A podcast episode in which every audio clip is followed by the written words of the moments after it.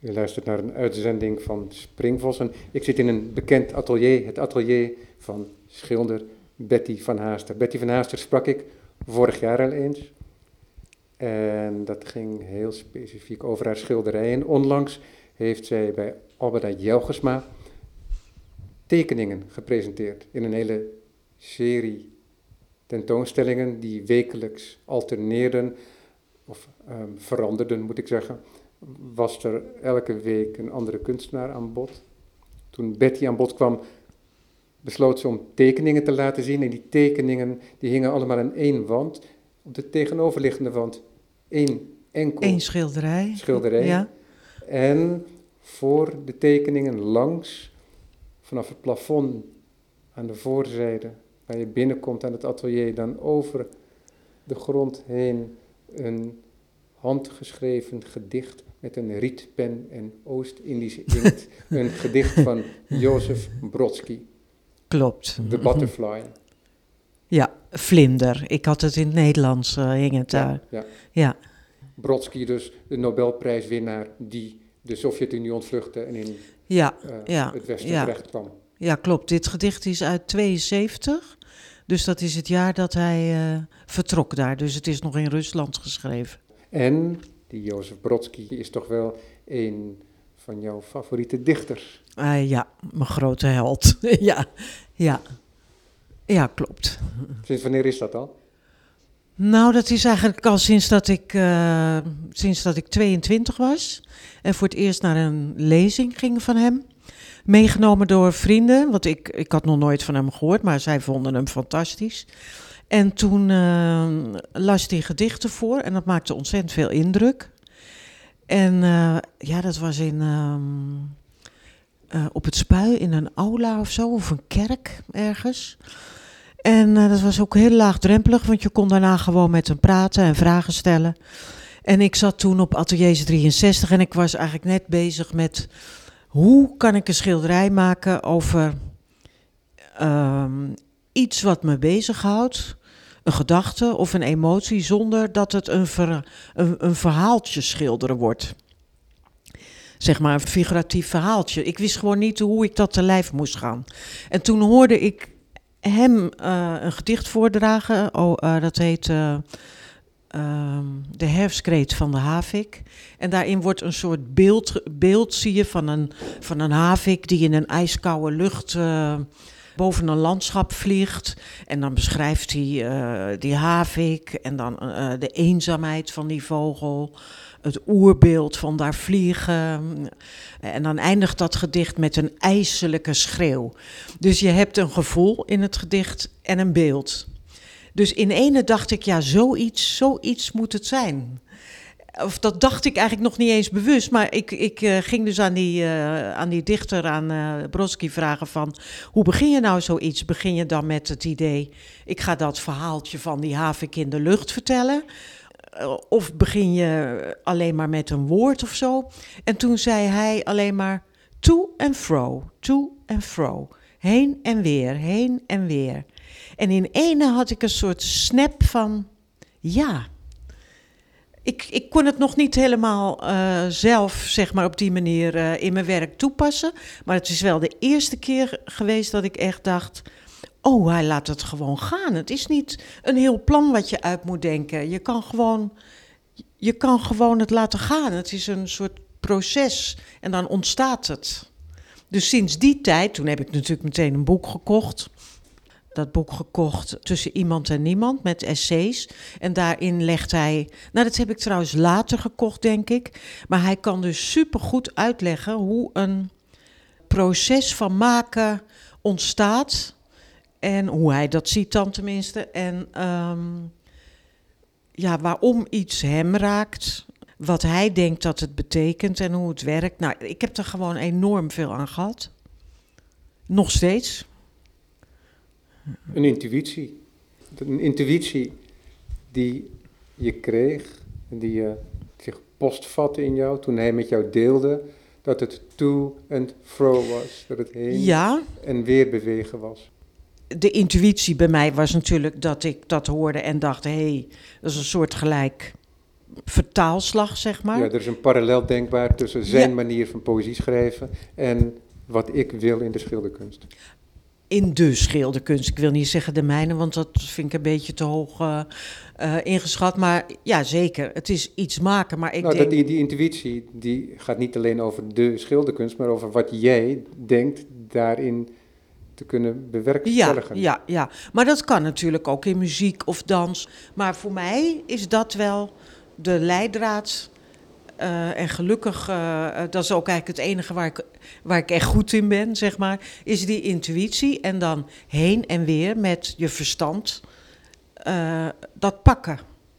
En bewust maken. Dus je doet iets en dan daarna ga je zien wat je gedaan hebt. Dus de handeling is, me, is, me, is eerst. En daarna ga je zien wat je gedaan hebt, dat analyseren en bewust maken. En een volgende stap zetten. Maar is die handeling eerst? Want als schilder heb je je palet.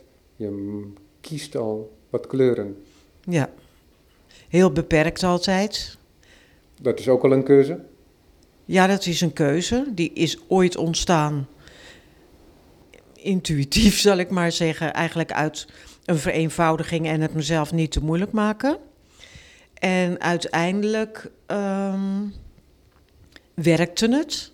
En heb ik daar ook weer dingen, bij toeval ben ik daar dingen, tekst over tegengekomen. En heb ik gedacht van, hé, hey, dat heeft een functie.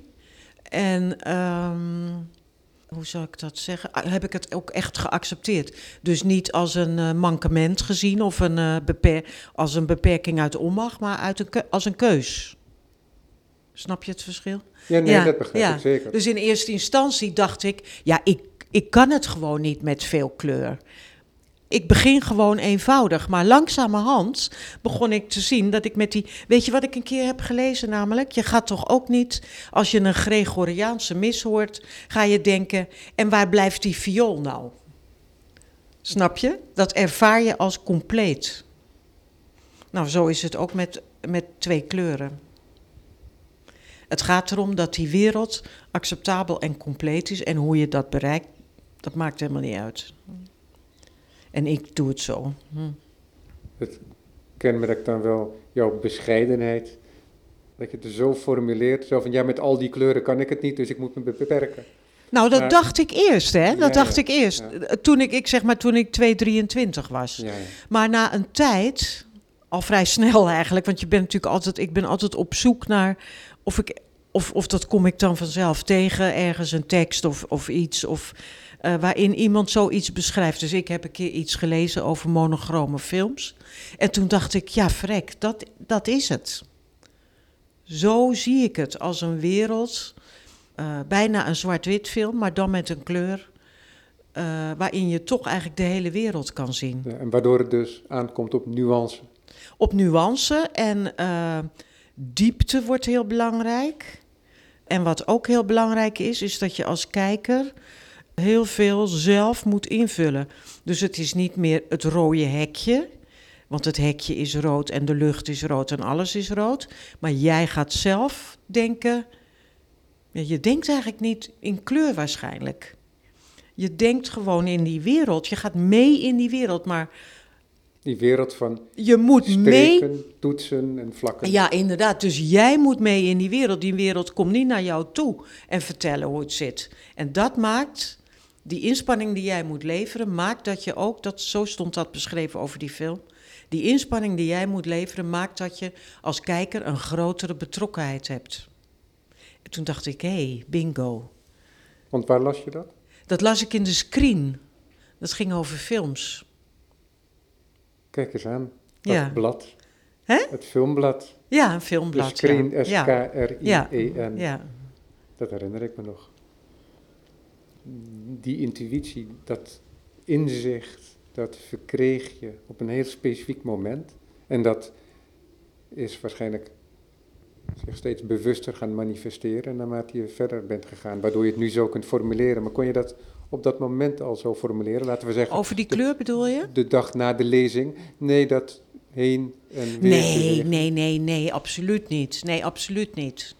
Nee, helemaal niet, nee. Nee, pas, dat is gewoon, eh, nu kan ik het zo makkelijk zeggen, maar dat is natuurlijk, in de jaren is dat ontstaan. En later herinner je je dan, oh, dat was de eerste keer eigenlijk dat hij dat zo zei, maar zo'n woordje van heen en weer. Ja, dat ben ik nooit vergeten. Maar eh, ik denk niet dat, ik dat zo even huppede uh, een jaar later had gezegd. Nee, maar ik heb inmiddels natuurlijk heel veel gelezen van hem. En ook heel veel over nagedacht. Ja. Hoe het werkt, hoe ik werk en hoe het ontstaat. Ja, hoe dingen zich vastzetten in het geheugen. En nu krijgt het zo'n heel duidelijke signaalfunctie. En een signaalfunctie die het niet in diezelfde manifeste manier. Hoe, bedoel je, hoe bedoel je signaalfunctie? Nou, dat to, to en fro, dat heen en weer bewegen, dat is een soort samenvatting van iets wat gebeurt tijdens het scheppen. En, ja. en dat kun je nu heel duidelijk met mij delen zo. Ja. Maar dat, komen we nu tot de constatering, was niet direct ook het geval kort daarna. Nee, want het is namelijk ook heel moeilijk om dat in werkelijkheid echt te doen. Ik bedoel, die man was natuurlijk veel ouder dan ik toen en al veel langer bezig. En het is, heel, het is gewoon een les geweest eigenlijk dat elke keer weer, als ik ga beginnen, denk ik elke keer weer, al, al, ook, ook al ben ik nu al jaren bezig, ga ik, stap ik weer in die valkuil dat ik denk dat ik het zo even kan doen. En dan moet ik weer helemaal terug naar dat to en fro, dat ik me helemaal op het moment concentreer en alleen maar accepteer dat ik alleen maar kan reageren op wat er gebeurt en daar vertrouwen in moet hebben. En dat ik dus niks, niks in wezen voor het zeggen heb, terwijl ik het maak in die zin. Niet van tevoren, ik moet mee. En dat is heel moeilijk. want, want ja? ja, je moet je overgeven eigenlijk.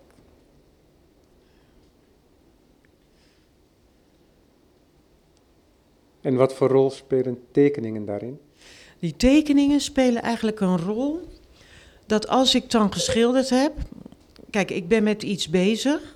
Dus hier liggen nu, ik beschrijf het even, hier liggen 14 tekeningen. Die had ik uitgekozen omdat dat gedicht 14 coupletten had.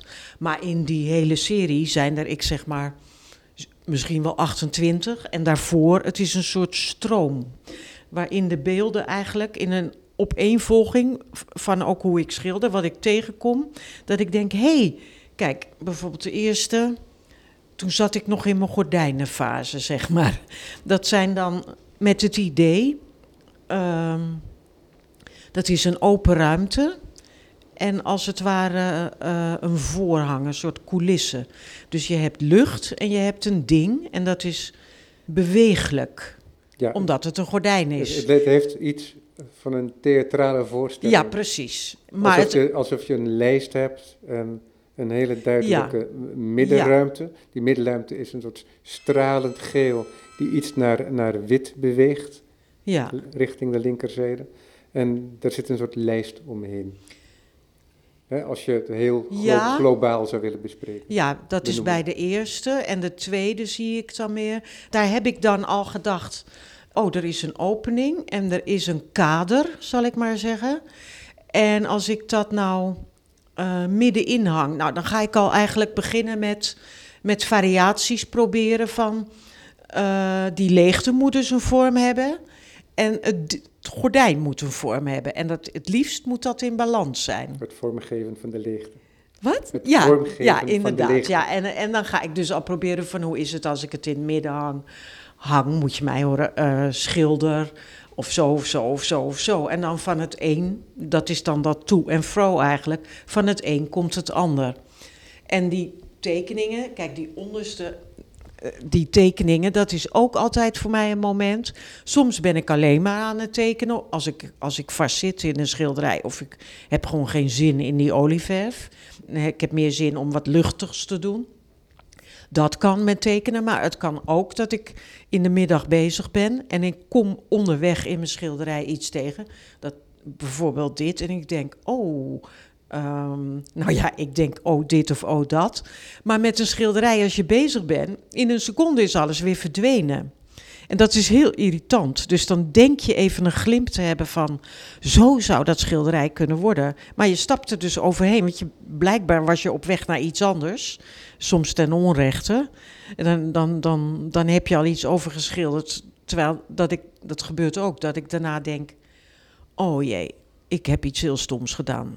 Er was iets dat was een pad, dat moet ik vooral niet vergeten, dat zou kunnen. En dan maak ik ook even een tekening. Dan leg ik even iets vast wat ik heb gezien, wat alweer weg is. Want misschien komt het, ja, misschien slaat het nergens op en komt het nooit meer terug. Maar het is een soort poging om vast te houden wat, wat ik anders ga vergeten of bang ben om te vergeten. Ja, ja die tekening die je dan terzijde maakt. Dat is echt ja, ja, ja, even aantekenen van, hé, hé, hé, dit heb ik net gezien. Je weet maar nooit. Ja. Dus dat kan ook. Dus het, het, het kan van alles zijn. En als ik ja, dus het heeft allerlei soorten functies, maar het is dus een soort uh, papieren stroom die, die rondom dat schilderij uh, uh, gebeurt. En daarom dacht ik dus ook bij deze tentoonstelling, René had dat idee van het is maar twee dagen en één schilderij. Maar ik had zoiets, ja, één schilderij. En we, we hadden eigenlijk net een gesprek gehad over een blog of over hoe zou het zijn als je ook eh, wat ik zelf heel leuk vind om, om van andere schilders te zien, is uh, hoe ze te werk gaan. Dus als je dan wel eens tekeningen ziet of op een blog dingetjes van hun atelier of zo, dat vind ik heerlijk. Dus ik dacht, het lijkt me heel leuk voor anderen, maar ik vind, en ik vond het zelf eigenlijk best wel eng, want ik, dan ben ik ook nog onzeker over die tekeningen. Om eigenlijk één schilderij, maar dan met de hele gedachtegang uh, in al die stapjes of manieren die daar omheen hangt. Dat iemand anders kan zien van, uh, nou ja, gewoon als een soort denkavontuurtje, uh, zal ik maar zeggen. Een kijkje in de keuken, zoiets. Een soort variatie op. Ja, variatie is geen goed woord. Nee, alle dingen die ik, heb die ik ben tegengekomen bij het maken van dat schilderij en die ik heb geprobeerd erin te stoppen. Want eigenlijk op het moment dat ik dan die tekeningen ophang, dan denk ik, nou, dat schilderij, in dit geval dan, is, daar zit eigenlijk best aardig wat in, wat ik in die tekeningen heb gestopt. En dat zou eens zo'n schilderij allemaal kunnen dragen? Nee, denk het niet. Nee, nee, nee. Dus daarin moet je ook een keuze maken, stel ik me voor. Ja, ja, nee, nee, absoluut niet. Nee, dat zie je ook in de tekeningen. Kijk, een schilderij heeft vaak wel meer kanten dan een tekening. Maar een tekening heeft ook, vind ik, een uh, frisheid die een schilderij vaak toch niet meer heeft. Is dat een soort directheid dan? Ja, dat denk ik wel. En, en uh, daar, daar heb ik eigenlijk toen. Uh, toen jij, eigenlijk na die presentatie van dat weekend, dacht ik in ene ook van, uh, met een tekening heb je altijd het wit, zeg maar het wit van, van dat papier, dat is meteen iets. En ik kan in elk geval niet die directheid in een schilderij nog, dat ik dan dat wit of het doek, dat dat meteen ook iets is. Daar zit altijd alweer verf op. Dus dat is, Snap je wat ik bedoel? Dus, ja, dus, nee, dat dus begrijp ik. dan heb ik de neiging uh, dat ik denk, ja, maar dat is niet genoeg, of dat is niet af, of het is niet substantieel genoeg of zo. Dus daar vraag ik blijkbaar andere dingen van. In deze tekeningen hier, die 14 tekeningen, is bijna bij elke tekening is dat wit inderdaad heel... Ja, heel belangrijk. Heel, heel duidelijk aanwezig. En is, laten we zeggen, de vormen die zijn aangebracht, alle, alle penseelstreken, ja. die liggen op dat wit. Ja. En ja. heel vaak is het zo in de schilderkunst dat het wit, niet alleen met de representatieve schilderkunst, uh, dat het wit er bovenop ligt. Uh, Als een accent die later wordt ja, aangebracht. Ja, ja, ja, ja. Maar het gaat, niet, gaat mij niet zozeer om het nou, in de tekening gaat het me wel om het wit. Maar ik bedoel, hier is het wit de leegte. Maar in een bij mij is in een schilderij het wit inderdaad vaak te bovenop. Maar als iets zogenaamd leeg is, heeft het meestal toch een verfhuid. Dus is het blauw of groen of. Maar heb ik het wel geschilderd? En hier heb ik het wit echt niet aangeraakt. Dat is het verschil. Snap je? Hier doe ik iets, ik schilder iets met al. En omdat het zo snel gaat, heb ik het wit al. Zie ik al als een vorm in me, terwijl ik het schilder. Het lege is al een vorm. En het lege, ja, ik zeg het misschien niet goed genoeg. Ik zie ik, een puzzelhoofd. ja, maar ik begrijp het wel, want het heeft ook te maken met je manier van schilderen. Kijk, onlangs sprak ik met Jerry Zenjuk, die nu bij Sleeuwen Ja, ja. een presentatie heeft. En bij Jerry Zenjuk is het niet altijd zo, maar het kan voorkomen bij hem dat je het naakte doek ziet. Dat doek is dan wel uiteindelijk bestreken met een transparante met, laag. met een primer of zo. Ja, en dat is gewoon zichtbaar. Dat hangt samen met zijn manier van schilderen. ja. En zijn conceptie van de schilderkunstige ruimte. ja. En bij jou is dat anders, omdat er bij jou een hele structuur op wordt neergezet. En die structuur die is ruimtevullend. Dus dit hele, de hele ruimte van het doek, de hele oppervlakte van het doek, ja. ehm, wordt geraakt. En, en, en, en dat is niet in één keer wordt dat opgezet, Nee.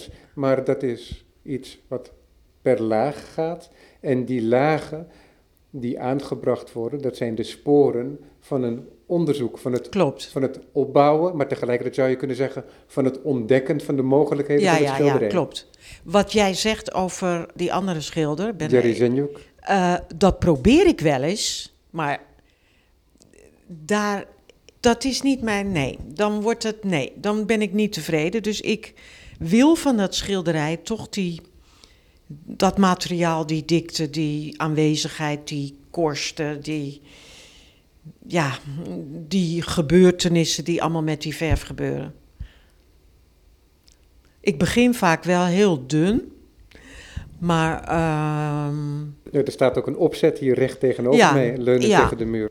Nou, dan is het eigenlijk nog een tekening in mijn. En dan, dat is ook wel vaak zo, dat heb ik altijd al gehad. Die opzet, dat is eigenlijk de gedachte zoals die in de tekening ook zit. Maar ik denk dan eigenlijk bijna altijd, nee, dat is niet genoeg. En dan ga ik zoeken en laag over laag en pas in een schilderij zit het hem toch vaak in de, in de, rest, eh, de resten van de actie. Dus ik zet bij wijze van spreken twee lagen op elkaar en waar ze dan botsen en een richeltje ontstaat, dat raakt me dan. En dat is dus niet te voorspellen en ook niet te bedenken, zal ik maar zeggen. Dus ja, ik moet dat hele proces doorploegen. Maar gek genoeg in een tekening vind ik dat prima. Ja, maar dat is ook mooi, toch? Dat dat Ja. naast elkaar kan bestaan. Ja, Ja. ja, Wat mij opvalt overigens, is dat er in de tekeningen ook plaats is voor rood. Dus je schilderijen Ja. kenmerken zich door geel en blauw. En dus ja, klopt. waardoor je als voornaamste kleur zou je kunnen zeggen groen hebt. Hè? Hoewel Ja. dat Ja, klopt. een soort Maar- interactie aangaat. Maar Geen rode olieverf, alleen maar aquarel. exact, Zie je dat? exact. En, eh, en aquarel is voor mij zoiets als glas. Dus daar kijk je als het ware doorheen. En ik vind ehm, rood, ja, dat komt, zo, dat komt naar je toe, zal ik maar zeggen. En ik wil altijd een ruimte waar ik in kan. Dus ik moet daar kunnen zijn, daar. Nou zeg je dat, maar dan zou een schilder die wel rood gebruikt kunnen Ja. zeggen, ja, maar precies om die reden gebruik ik rood. Ja, dat zou kunnen. Zodat er een contrast ontstaat, dat er iets naar voren komt, waar je langs kunt bewegen, waardoor er een uitnodiging voor de ruimte daarachter ontstaat. Maar Wie Dat- weet dat- ooit, maar dat terzijde. ik maar, vind het echt too much rood. ja, en, het, en het rood hier is inderdaad, zoals je zegt, als glas. Ja. Dus het heeft iets efemers. In die zin dat het een transparantie behoudt. En het wit blijft er altijd doorheen schijnen. Ja, van het klopt. papier. Ja, klopt. Ja, klopt. Of het is bijna, zit ik nu te kijken, nu je dat zo zegt, als een soort schaduw van. Ja, gek, oranje mag dan weer wel. Maar dat is ook een beetje wijkend. Ja, hoe heet nou die architect, een Nederlandse architect? Ik kan er even niet opkomen. Die heeft een hele theorie ook over kleuren, wat kleuren in de ruimte doen. Van het Burgerweeshuis, die... Aldo van Eyck. Ja, Aldo van Eyck. Die heeft daar een theorie over. Dus bijvoorbeeld, ehm, ik zeg maar wat, eh, de waterleidingen zijn allemaal zo'n kleur. De deuren zijn die kleur. En dat gaat heel erg ook over, eh, ja, volgens mij, of ze ruimte geven, of ruimte groter maken of kleiner maken. Ik heb altijd van Aldo van Eyck begrepen, eh, over Aldo van Eyck begrepen, dat de introductie van kleur in zijn architectuur te danken was aan zijn vrouw. Weet ik niet. Ja, maar goed, want, want hij heeft ook zo'n school gemaakt, die heette volgens mij De Wereld. Plantage Middelaan. Ja, die- sta- ja, staat ja. nu leeg tegenover Eik en Linde. En volgens mij was dat het eerste gebouw waar kleur echt in zat. Maar het was, voor mij was dat bij mijn weten afkomstig van zijn vrouw. Oh, dat Maar weet goed, ik niet. Dus, Hmm. ja, dus, dus daarom ben ik nu heel verbaasd om te horen van Dus we weten de het kleur, niet. de ja, ja, we weten. Ja. Er zitten ook verschillende maattekeningen waar ik tegenaan kijk. Ook Ja. twee kleintjes. Hele kleintjes, ja. Ja, dat is niet, er zit niet een, een grote theorie of zo achter. Dat is, ik koop gewoon een heleboel schetsboeken. En, en die kleintjes, ehm, die heb ik wel tegelijk met die andere serie gemaakt. Omdat ik op dat, ja zeg maar dat die kleine elementen die in die ene tekening van dat gordijn zitten. Toen dacht ik, ik ga dat, dus eigenlijk alleen maar dat verloop van die toets van donker naar licht. Dat het een heel klein, die ga ik naast elkaar zetten als een patroon en kijken of het dan ook ruimtelijk werkt. Het is een soort oefening. En bij die vierkanten is het wel met opzet. Ik weet trouwens niet eens meer of ik dat nou vierkant heb gescheurd of dat het een vierkant blok was. Dat ik met opzet een, eh, een vorm wilde die aan alle kanten gelijk is, die je bij wijze van spreken kan ronddraaien. En eh, waarin ook weer uit die toetsblokjes als het ware vormen ontstaan. En die vormen, zou je kunnen zeggen, die neigen naar een driehoek. Ja, En, klopt. en het ja. is een stapeling in aquarel Ja. van driehoeken, Ja. waardoor ze niet fysiek op elkaar liggen, zoals met olieverf, maar in elkaar opgaan. ja, ja, ze zweven. En, en te zweven tegen een witte achtergrond. En dat is iets bijzonders, want ook in je tekeningen is het zo dat ze over het algemeen, dat geldt niet voor elke tekening, niet zozeer atmosferisch zijn, zoals die kleintjes waar je net Ja, aan refereerde, maar dat ze heel fysiek zijn. Dus dat de vlakken en de lijnen een hele duidelijke fysieke presentie hebben. En die aquarel die je Wat zojuist- hebben ze, zei je? fysieke presentie. Ja, ja, ja, ja. en ja. die aquarel die je zojuist aanhaalt, waarvan ik zei dat het een opeenstapeling van driehoek, Ja, ja, van ja. driehoekachtige vormen is, die is heel ijl ja. en in die zin heel anders dan... Ja, dat is een soort tussenstap. Kijk, in dat gordijngebeuren, zal ik maar zeggen, daar, dat is al de eerste waar ik dat doe. Dan pak ik een penseel met verf en dan ga ik een soort arcering zetten in een vorm, dus van, van lang naar kort, zodat het een driehoek wordt en dat de verf er als het ware uitloopt. Dus daardoor zit er een verloop in en daardoor krijg je al diepte. Een illusie. Van, van diepte in de vorm. Dat vind ik mooi. en ehm, het is ook een, ehm, ja, hoe moet ik dat zeggen? Een manier van werken. Ja, ik moet even nadenken hoe ik dat ga zeggen. Eh, als het- ja, het is een onderzoek of een spel eigenlijk ook. Ik ben dan gewoon bezig om te kijken, hé, hey, wat doet dit, wat doet dat, wat gebeurt er, wat kan ik daarmee? Eh, als ik nou dat ene verlopende driehoekje op een ander vel zet en ik, ik laat, want ik heb daar veel meer van gemaakt. Ik heb er eentje uitgekozen, maar er zijn er veel meer van. Ik laat het zweven, wat wordt het dan? Worden die driehoekjes bij elkaar? Kijk, zo schilder ik ook. Dus ik zet steeds een rijtje toetsen En dan zet ik nog een rijtje toetsen. En soms wordt dat met elkaar een nieuwe vorm. Zo ontstaat een, een nieuwe vorm. Dus vanuit die driehoeken kom ik op het idee om daar. Kijk, hier, hier zouden het een soort zwevende vlinders kunnen worden. Maar het kunnen ook blokken. In het uh, werk daarnaast, die tekening daarnaast, zijn de penseelstreken duidelijker, onafhankelijk van elkaar te zien. Ja. Je hebt het palet ook weer veranderd. Van meer naar, ja, meer ja. naar wat we in je, van je schilderkunst kennen. Dat het een groen is. Landschappelijk. Uh, met, met geel schijnsel, dat echt geel ja. wordt met een blauwe menging af en toe. En die heel duidelijk zijn de penseelstreken te identificeren. En waardoor je met penseelstreken van zo'n centimeter of vijf lang, soms ook wat langer, vlakken een blok maakt als, ja. als arceringen. Ja. En, maar zonder dat ze heel erg over elkaar lopen, worden, ze worden tegen elkaar geplaatst en ze reageren op elkaar. En op zo'n manier wordt uiteindelijk het hele vlak van het vel gebruikt. Bewerkt eigenlijk. Kijk, ik ben eigenlijk met die, met die klontjes archering, zeg maar, kom ik op het idee, als ik nou, ik ga gewoon de rand doen, een rand maken en kijken, dan zie ik, hé, hey, dat zou een soort diepte kunnen geven. En dan ga ik als het ware de bodem van die doos die ontstaat, ga ik weer archeren. En dan in die zin is het nog een zekere willekeurig. Gewoon kijken wat er gebeurt en reageren. En dan heb ik dat eerst in blauw, blauw-groen gedaan. En dan dat geel een beetje eroverheen gekrast. Alsof er een soort, uh, zoals je wel eens uit een vliegtuig wolken over een landschap ziet zweven. Ja, en dan op een gegeven moment denk ik, uh, nu is het wel genoeg. nu is het wel goed.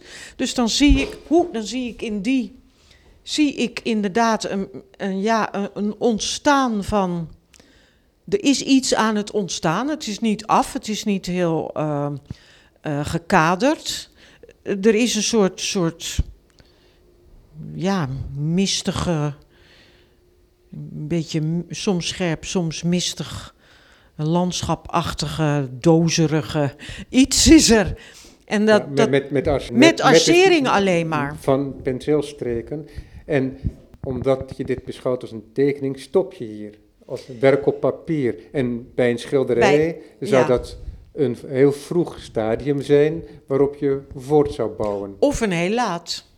Snap je? Ja.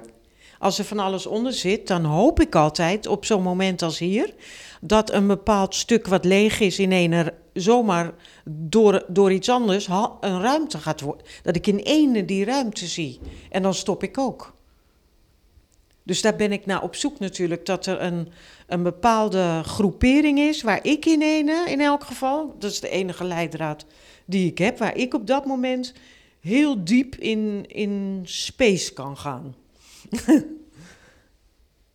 Als we dan even afstand nemen van deze tekening, ja. we gaan naar de galerie ja. in gedachten en dan is er dat gedicht. Ja. Nou, ik had in ene, ik dacht toen toen uh, René zei van we doen één schilderij, toen had ik eigenlijk al heel snel dat ik dacht, oh dan doe ik één, één schilderij met uh, een serie tekeningen. Want die tekeningen die heb ik gewoon, die liggen hier in een map. En meestal gaat zo'n map gewoon de kast in en die komt nooit meer tevoorschijn, zeg maar. Werkmateriaal. Ja, dat is dan gewoon uh, de tekeningen bij die serie. En dan de volgende serie ontstaat er weer een nieuwe. Haal je ze nooit uit de kast? als ja. ideeënmateriaal? Nee, dat is dan afgesloten. Dat is dan afgesloten. Maar in dit geval. Maar je bewaart ze wel? Ja, ik bewaar ze wel. Want ik heb ze dan al geselecteerd. Ja, ik bewaar ze wel. Maar goed, nu even over deze serie. Dus ik dacht, dat ga ik doen. Ik ga het uitzoeken. Die hang ik erbij. Maar eerst dacht ik nog veel meer of veel minder. Dat is ook weer een soort proces. Ik had eerst andere tekeningen trouwens, uh, gewoon plantentekeningen die ik ook maak. Maar ook heel erg, want open en dicht en leeg en vol, uh, dat is dan het onderwerp. En uh, toen dacht ik in ene van, ik doe die tekeningen. En eigenlijk toen ik dat dacht, dacht ik, dan ga ik dat gedicht er ook bij doen. Maar toen had ik nog niet, ik dacht eerst, ja, maar hoe dan? Dat wist ik nog niet. Ja, dat, dat gaat gewoon vanzelf. Dan denk ik op een gegeven moment van, ik heb wel eerder met een andere serie werk uh, dingen met de hand groot geschreven. Dus dat is dan eigenlijk als het ware een tekening, maar dan van woorden.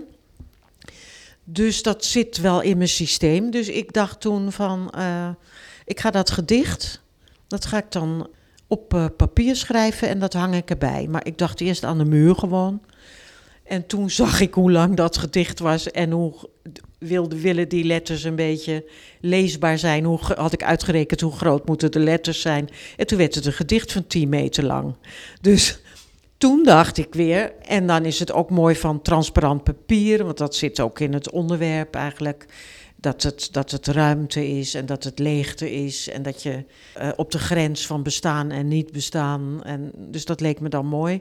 Dus ik heb gewoon dat papier gekocht. En uh, ik ben dat uh, een beetje uitgemeten. En, en ben dat gaan schrijven met inkt. Ja, zou je dat gedicht erbij willen pakken? Ja, dat is goed. Even me in het boek. Je hebt de Nederlandse vertaling mooi Ja, ik heb maar één couplet in... Uh, oh ja, ik heb de Nederlandse vertaling in het boek, ja. Want ik heb dat boek heb ik al heel lang. En daar heb ik het ook uh, uit overgeschreven. En... Um, Zal ik uh, je microfoon vasthouden? Ja, is goed. Heb je... Ja, en er zijn eigenlijk... Ik heb het gisteravond nog even ingekeken. Er zijn eigenlijk van de veertien coupletten... Kijk, hij... Um, het is een soort, hoe moet ik dat zeggen, mijmering. Uh, hij zit in zichzelf, in zijn eentje, uh, uh, een gedachtegang over alles wat je van een vlinder kan denken. wil je dat ik het hele zou Ja, waarom niet? Nou, waarom niet? Waarom niet? Kijk, en hij dat is heel lang hoor. En hij, en hij richt zich tot de vlinder. ja, hij richt zich tot de ik vlinder. Moest denken, ik moest denken aan Shakespeare. Die dan in zijn to be or not to be nee, of nee, zo. Of maar die in zijn sonnetten zich dan ook richt tot degene die afwezig is. Zoals aan een schone dame. Shall I compare thee to a summer's day?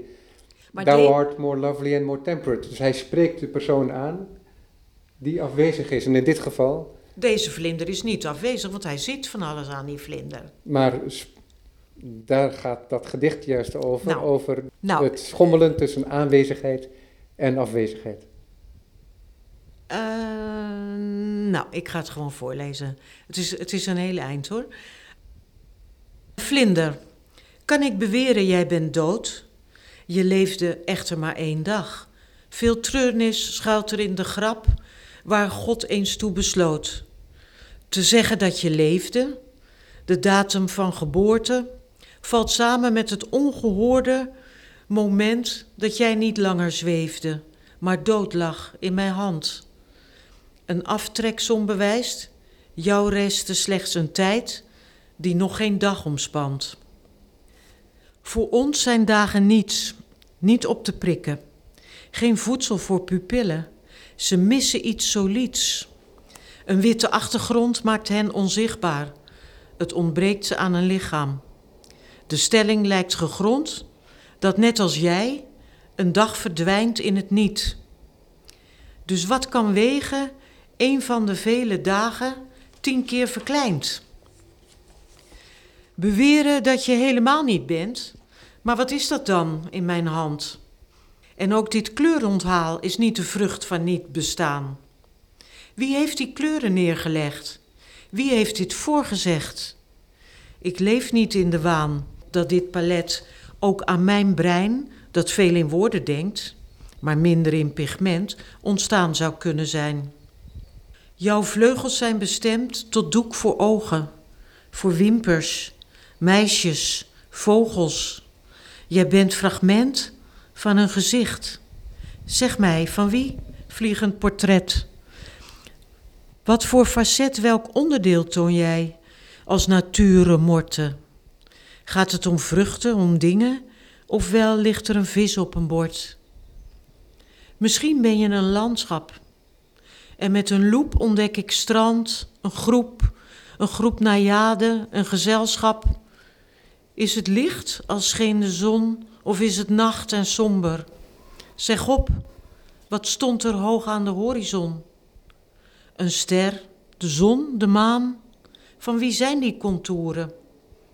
Welk land heeft er tevoren model gestaan? Ik denk dat jij zowel het een als het ander uitbeeldt. Ik zie in jou bijvoorbeeld gezichten, sterren, steen. Wie was die juwelier die afgerond op deze ondergrond in miniatuur de wereld schetste, die gek maakt en onvrij, waar wij de dingen zijn en jij aan dingen de gedachten. Waarom dit lijn- en kleurbestand aan jou gegeven voor slechts één dag van leven in het merenland, waarvan het amalgaam de ruimte wil bewaren? Zo'n korte tijd op aarde heeft elke kans teniet gedaan om in een net te komen, te trillen in een hand en in de korte jacht pupillen te bekoren. Je antwoordt met geen woord, niet uit bedeesdheid, uit ijdelheid of boosheid, om iets dat stoort, ook niet omdat je dood bent. Verwantschap ten teken heeft ieder schepsel gekregen, dood of levend, een stem om te vragen, te horen en te zingen, om te verlengen ogenblikken, minuten, dagen. Jij mist dit onderpand, dit spraakvermogen. Toch is er, strikt genomen, niks aan de hand. Je bent van schuld ontheven. Je staat bij hem niet genoteerd. Waarom getreurd wanneer jouw vluchtig leven tot stomheid heeft geleid? Geluid is ook een last. Ook al ben je minder hecht en vast, geluidlozer dan tijd. En zonder angst te voelen of te beleven, zo blijf je lichtjes zweven boven een bed van bloemen, ver buiten ruimtes afgesloten, alwaar verleden en toekomst lijden aan ademnood. En nu krijgt, wanneer jouw vlucht naar weide voert, ineens zelfs kleur en vorm de lege lucht. Zo werkt een pen die glijdt langs glad gelinieerd papier en heeft geleerd dat hij niets weet van wat zijn vers, waar wijsheid naast nonsens staat, beweegt. Maar hij verlaat zich op de hand die hem voortleidt, op vingers waarin vast stom ritme woorden gaan, van aar of bloem geen stof wegnemend, maar van schouders wel een last. Een dergelijke schoonheid gekoppeld aan zo'n kort bestaan, een ongerijmdheid, daaruit blijkt eens te meer dat aan de wereld inderdaad de zin ontbreekt. Bestaat die wel, dan zeer beslist zijn wij dat niet. Entomoloog, jouw naald die het licht niet vast kan pinnen, faalt nog meer dan duisternis, met duisternis. Zal ik afscheid van je nemen als van een etmaal? Er zijn er wie verstand nu eenmaal met schimmel van het vergeten is overwoekerd. Ach, de reden is allicht dat achter hen niets ligt. Geen dagen doorgebracht in liefdesnestjes, geen diepe nachtrust, geen verleden. Nee, alleen maar wolken vlinders. O, jij bent beter dan het niets. Nee, meer nabij en visueler. Toch ben je van binnen nauw verwant aan het niets. Ja, op jouw vluchten kreeg het materie. Daarom, wanneer je rondfladdert in de drukte van alle dag, vorm jij een soort versperring, een frêle, kleurige begrenzing tussen het niets en mij. Vertaling Peter Zeeman. Mooi. Ja, wat ik ook zo mooi vond, is dat in zo'n passage, en ik, ik las hem ook in het Engels op internet dan, dat hij zegt, je bent tussen iets en niets. Ja, Dus je bent als het ware afwezig, want je leven bestrijkt nog niet één dag. Dus je hele leven valt binnen één datum, zegt hij ja, dan. ja, ja. ja. En, maar toch, wat voel ik dan in de kom van mijn hand Mhm, als je niet bestaat? mhm. En ja, dus dat gaat over die teerheid, maar ook over die vergankelijkheid. ervan. Ja, daar gaat het voor mij vooral over, ja. Ja. Ja, en zeg maar tussen iets en niets, dan zie ik die vlinder eigenlijk als een heel fragiel gordijntje. Wat er is tussen mij en niets. En het is ook zo weer weg. Dus, dus eh, het is een heel klein, wat hij zegt, hele kleine begrenzing. Ja, dat is heel mooi. Je kunt het betrekken op persoonlijk leven, maar je kunt het ook betrekken, zoals ik dat deed tijdens mijn lezing van het gedicht, op het proces van het maken, in, het, in dit geval het maken van een schilderij.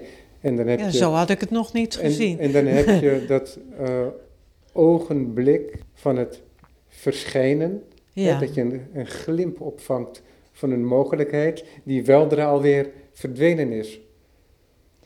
Ja, zo kan je het ook, ja, zo Kan je het ook en, zien. En dan zit er ook nog dat moment in, welk gezicht is er te zien in, jou, in de tekening hè, op die vleugels. En van vlinders is natuurlijk bekend dat er heel snel veranderingen doorgevoerd kunnen worden in de tekening. En waardoor je ook heel snel nieuwe soorten kunt krijgen. Dat, oh ja, is er, oh ja. Ja, Dus, dus het zijn ook een soort uh, schildjes in die zin. Hè? Het zijn schilderijen, die, die, ja, ja, die, die getekende vleugels. En dat is ook, denk ik, zo als je aan het schilderen bent, is dat er allerlei elementen, streken, patronen combinaties, patronen. Figuraties. Uh, op, opdoemen. Ja. En die jou ergens aan doen denken. Die, ja, ja, ja, die, ja. die, die doen denken als in, dat is een potentieel waar, dat die ik uit kan gebuiten, maar ook of hé, hey, dit heb ik eerder gezien. Dit is interessant. En, uh, dus, een, dus, een, een, je associa een soort vlucht naar een wereld. Dus, dus inderdaad schiet je van, hé, hey, dat, uh, het kan helemaal dan zie je daar een wereld op doemen of daar een wereld op doemen. En dan, ja, dan moet je heel snel kiezen eigenlijk van, met, met, en soms als het goed is, denk je daar helemaal niet over na. Dan, eh, dan heeft het zich allemaal al gekozen, dan gaat het vanzelf. En dat vond ik zo mooi dan aan Brodsky, is dat hij zegt, wat komt er allemaal tot uiting in die tekening hè, op die vleugels, op die schildjes? Mm wat al eerdere verschijningsvormen heeft gehad. En dat is natuurlijk bij jou ook zo, dat je met je penselen werkt en die, die toetsen aanbrengt en dat je dat al zo veel hebt gedaan en dat het toch kan gebeuren dat je in die concentrating elke toets Elke keer weer een nieuwe wereld uh, Elke keer een nieuwe wereld, maar toch ook elke keer weer die mogelijkheid dat er verschijningsvormen... Ja, ja. Daarom doe je het natuurlijk. die je, je herinnert. Dat weet je niet. Ik, ik denk niet dat ik het me herinner. Ik denk. Uh, het voelt alsof ik het voor het eerst zie. Ja, het is ook niet eh, per definitie affirmatief. Dat is in het gedicht ook niet zo. Hij stelt de vraag. Ja, en, ik, en hij maakt in het gedicht ook de vergelijking met die pen die glijdt. En die mee moet gaan, zeg maar. Dat is dan net zoals bij mij dan dat kwast of penseel is, zeg maar. Dus een, een, een, vergelijkbaar, een vergelijkbaar um, ja, dan kan ik me even niet meer. Ja, ik weet het niet meer precies hoe dat dan in dat gedicht zat. Maar voor mij gaat het heel erg vooral ook over. Um, in iets heel kleins zit een hele wereld. En je kan het omkeren. Je kan de hele wereld zien, zien in iets heel kleins. Het is maar hoe je kijkt. Ja, ja precies. Ja. Dat is ook met jouw schilderijen zo, die kun je als enorme landschappen zien. Ja, maar ja. je kunt het ook op een andere manier zien, waardoor het inderdaad een detail wordt. Ja, weet je waar ik nou in ene aan moet denken? Ik zag op tv iets, dat in Japan is er een, uh, een soort club van mensen die houden van mos. En die gaan dan door de stad lopen om eigenlijk miniatuur oerwoudjes te zien in hele kleine stukjes mos. En dan hebben ze loepen bij zich en dan gaan ze dat bestuderen. En dan hebben ze een natuurervaring. Snap je? ja. Mooi. Ja. Heel opvallend in deze serie tekeningen is dat er één helemaal tonaal is. Die is opgezet in zwart. Zwart Oost-Indisch inkt. Oost-Indisch inkt. Ja. En dat is wat verwaterd, waardoor het een hele mooie grijze transparantie krijgt op veel ja. punten. Ja. En het is zo opgezet waardoor er middels de inkt het wit zo omarmd wordt dat het wit object wordt en datgene wat beïnkt is, ruimte. Dus wat is de inkt dan, zei je? De, de, daar waar de inkt is, dat is ruimte en niet zozeer object. Op ja, ja, ja, ja, ja, ja, ja, ja, ja. Ja, klopt, ja. Waardoor je een omkering krijgt. En ja, een beetje. Het, het, wit geen achtergrond meer is, maar naar voren komt. Een ding, ja. ja. Ja, daar heb ik allemaal niet bewust zo gedaan, maar ik heb het gezien zoals je ook eh, wel eens van die tekeningen in een biologieboek ziet, zwart-wit. Uh, ik, ik weet niet, dacht ik van als ik nou met inkt, eigenlijk, dit is nog met een rietpen gedaan, maar ik had het ook met een... Uh, die had je toch al in je hand, omdat je daarmee bezig was. Nou, nou, dat was een andere keer, maar dat maakt niet uit. Maar, maar uh, die rietpen, die ligt hier altijd. En, en het heeft ook iets Japansigs en... en ja, ook met dat vluchtige en zo. Ik vind het gewoon fijn tekenen. En je kan er heel mooi, ehm, als je Oost-Indische inkt met water vermengt, dan kan je daar heel mooi, ja, mooie lijn mee krijgen. Maar in elk geval, ik dacht, ik doe het juist expres zwart-wit. Want dan krijgt het iets, uh, hoe zou ik het zeggen, um, klassieks, natuurhistorisch. Uh, ja, een hele andere uh, sfeer en eigenschap. Oh, dat was een bewuste gedachte vooraf? Ja, nou, ja, ja. Ja, dat gaat niet van ik ga nu nadenken, maar ik denk dan wel, hé, hey, ik kan het ook eens met inkt doen. En dan krijg je een heel ander uh, effect. En dan ook alleen maar met arceren. Dus ik heb hier niet, kijk, er zit niet een, een, een vel met een penseel inge ingeschilderd of zo. Het zijn alleen maar krassen eigenlijk. En op wat voor moment is die dan deel uit gaan maken van de serie die je bent gaan presenteren? Toen ik mijn map nakeek, dacht ik van, ik kies een verloop. Toen heb ik gekozen voor die presentatie, heb ik wel echt gekozen op het, het verloop en de ontwikkeling van de vorm van gordijn naar vlinder. Dus hoe je kan zien dat eigenlijk tijdens zo'n serie waar ik mee bezig ben, ik als het ware naar het volgende onderwerp ga groeien. Een vriend zei uh, een metamorfose, dus dat gebeurt er. En dan moeten we niet denken aan Escher, waardoor je de stadia bijna niet ziet. Uh, maar dat, hier gebeurt dat. Dat weet ik niet. Hier, hier gebeurt dat met sprongen. Ja, Escher toch, die maakte van die vlakken en dan krijg je een transformatie. Die heet ook metamorfose, enkele van die werken. Oh, dat weet ik En dan zie je dat ze helemaal in elkaar overgaan, maar dat is een, laten we zeggen, een bijna wiskundige ruimte. Nee, hier gaat het gewoon, hier gaat het van sprongen. Een, ja, een soort transformatie van. Kijk, daar zijn het nog, die, die, die groepjes arceringen, dat zijn als het ware, ja, hoe kan je het zeggen? Het zou ook kunnen zijn uh, moleculen of. Uh, luchtdeeltjes of dat soort dingen. Hè. Ze zweven. Aan elkaar geplakt wordt het een vlinder. Je plakt er nog drie aan, dan wordt het een doosje. dan kan je dat openklappen. daar heb ik die vlekken zeg maar aan elkaar en dan op de grens van uit elkaar vallen en in elkaar heb ik het als het ware met potloodstreepjes aan elkaar genaaid. Nou ja, in de tekening dan. Hier zijn het weer vlinderachtige vormen in de lucht. En kijk, die blauwe is dan een soort. Ja, het is allemaal fantasie en verbeelding natuurlijk. Maar zo, zo denk ik als ik aan het werk ben. En geeft dit dan ook aanleiding tot nieuwe schilderijen? Ja, tuurlijk. Ja, tuurlijk. Ja. Maar meestal gebeurt het, kijk, die tekeningen, uh, dat heb ik ook in een stukje gezegd, die maak ik niet van tevoren. Ik maak die tekeningen, ik kom op het idee terwijl ik aan het werk ben, aan het schilderen met olieverf, zal ik maar zeggen. En dan maak ik die tekeningen onderwijl in zo'n proces. En dan maak ik ook wel eens thuistekeningen. Maar dan ben ik toch bezig in dat proces.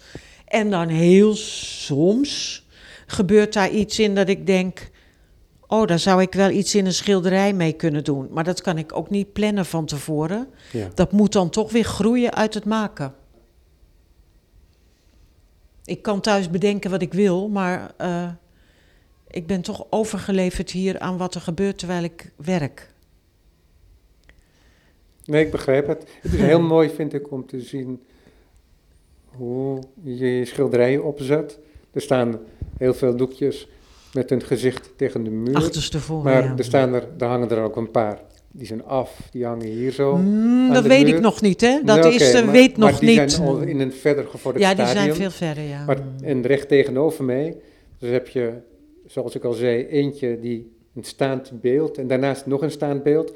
Het tweede beeld staat met zijn gezicht tegen de muur. Ja. En links, dat lijkt een soort interieur nu. Zoals, Nu? zoals je dat nu ziet. En, en ik, jouw werkkennende kan dat. Nog alle kanten op. Hè, dan komt het woord transformatie toch weer, toch weer Ja. tevoorschijn. En dan hangt er ook een heel fascinerend doekje aan de muur. En dat is eigenlijk voor mij gewoon hetzelfde, maar Ja. dan anders gedaan. Want dat is veel eh, toetsen. Ook weer.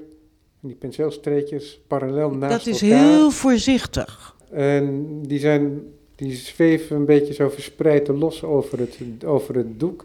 Hè, alsof het een beetje hangt in, Ja, in maar het dat, vlak. ja, maar dat is me, dat is me ook gewoon overkomen, hè? Dus zeg maar dat, dat en dan zie ik wel van, hé, hey, dat eilen, dat heeft wel iets. Laat ik het eens eventjes ru- laten rusten. In plaats van meteen weer van alles eroverheen. Als ik aan jouw, laten we zeggen, grondlaag dacht, dan dacht ik eerder, als ik daaraan zou moeten denken, Ja. dacht ik eerder aan wat er op de grond staat hier, dan Ja, snap ik. wat ik aan de muur zie Ja, dat klopt. Ja, dat klopt. Maar dat is nogal een voortvarende indeling die, die daar staat. Ja. En eh, die Is dat daar... niet gebruikelijk? Eh, ja, dat is wel gebruikelijk, maar waarschijnlijk heb ik dat andere gedaan omdat ik hier niet op het ogenblik eh, niet veel verder mee kom. Dat ik denk, ik moet een andere.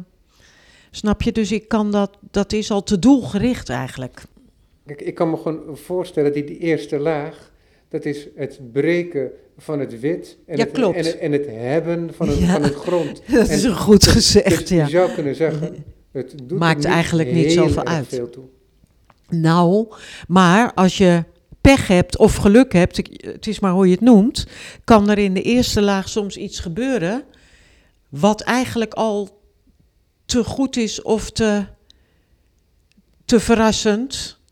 En dan, eh, Ben je gedoemd dat over te schilderen omdat het nog bij de eerste laag ja, of je wil het bewaren en dan kan je geen kant meer op. Ja, daar, Dus je daar eindigen we mee. Dat, we, Ja. we kunnen geen kant meer op. Want ik, ik ben de tijd helemaal uit het oog verloren. Ja. En we zijn echt aan het einde van het gesprek. Oké, Dus dankjewel. to be continued. Ja, goed. Dankjewel Betty van Haas. Graag gedaan.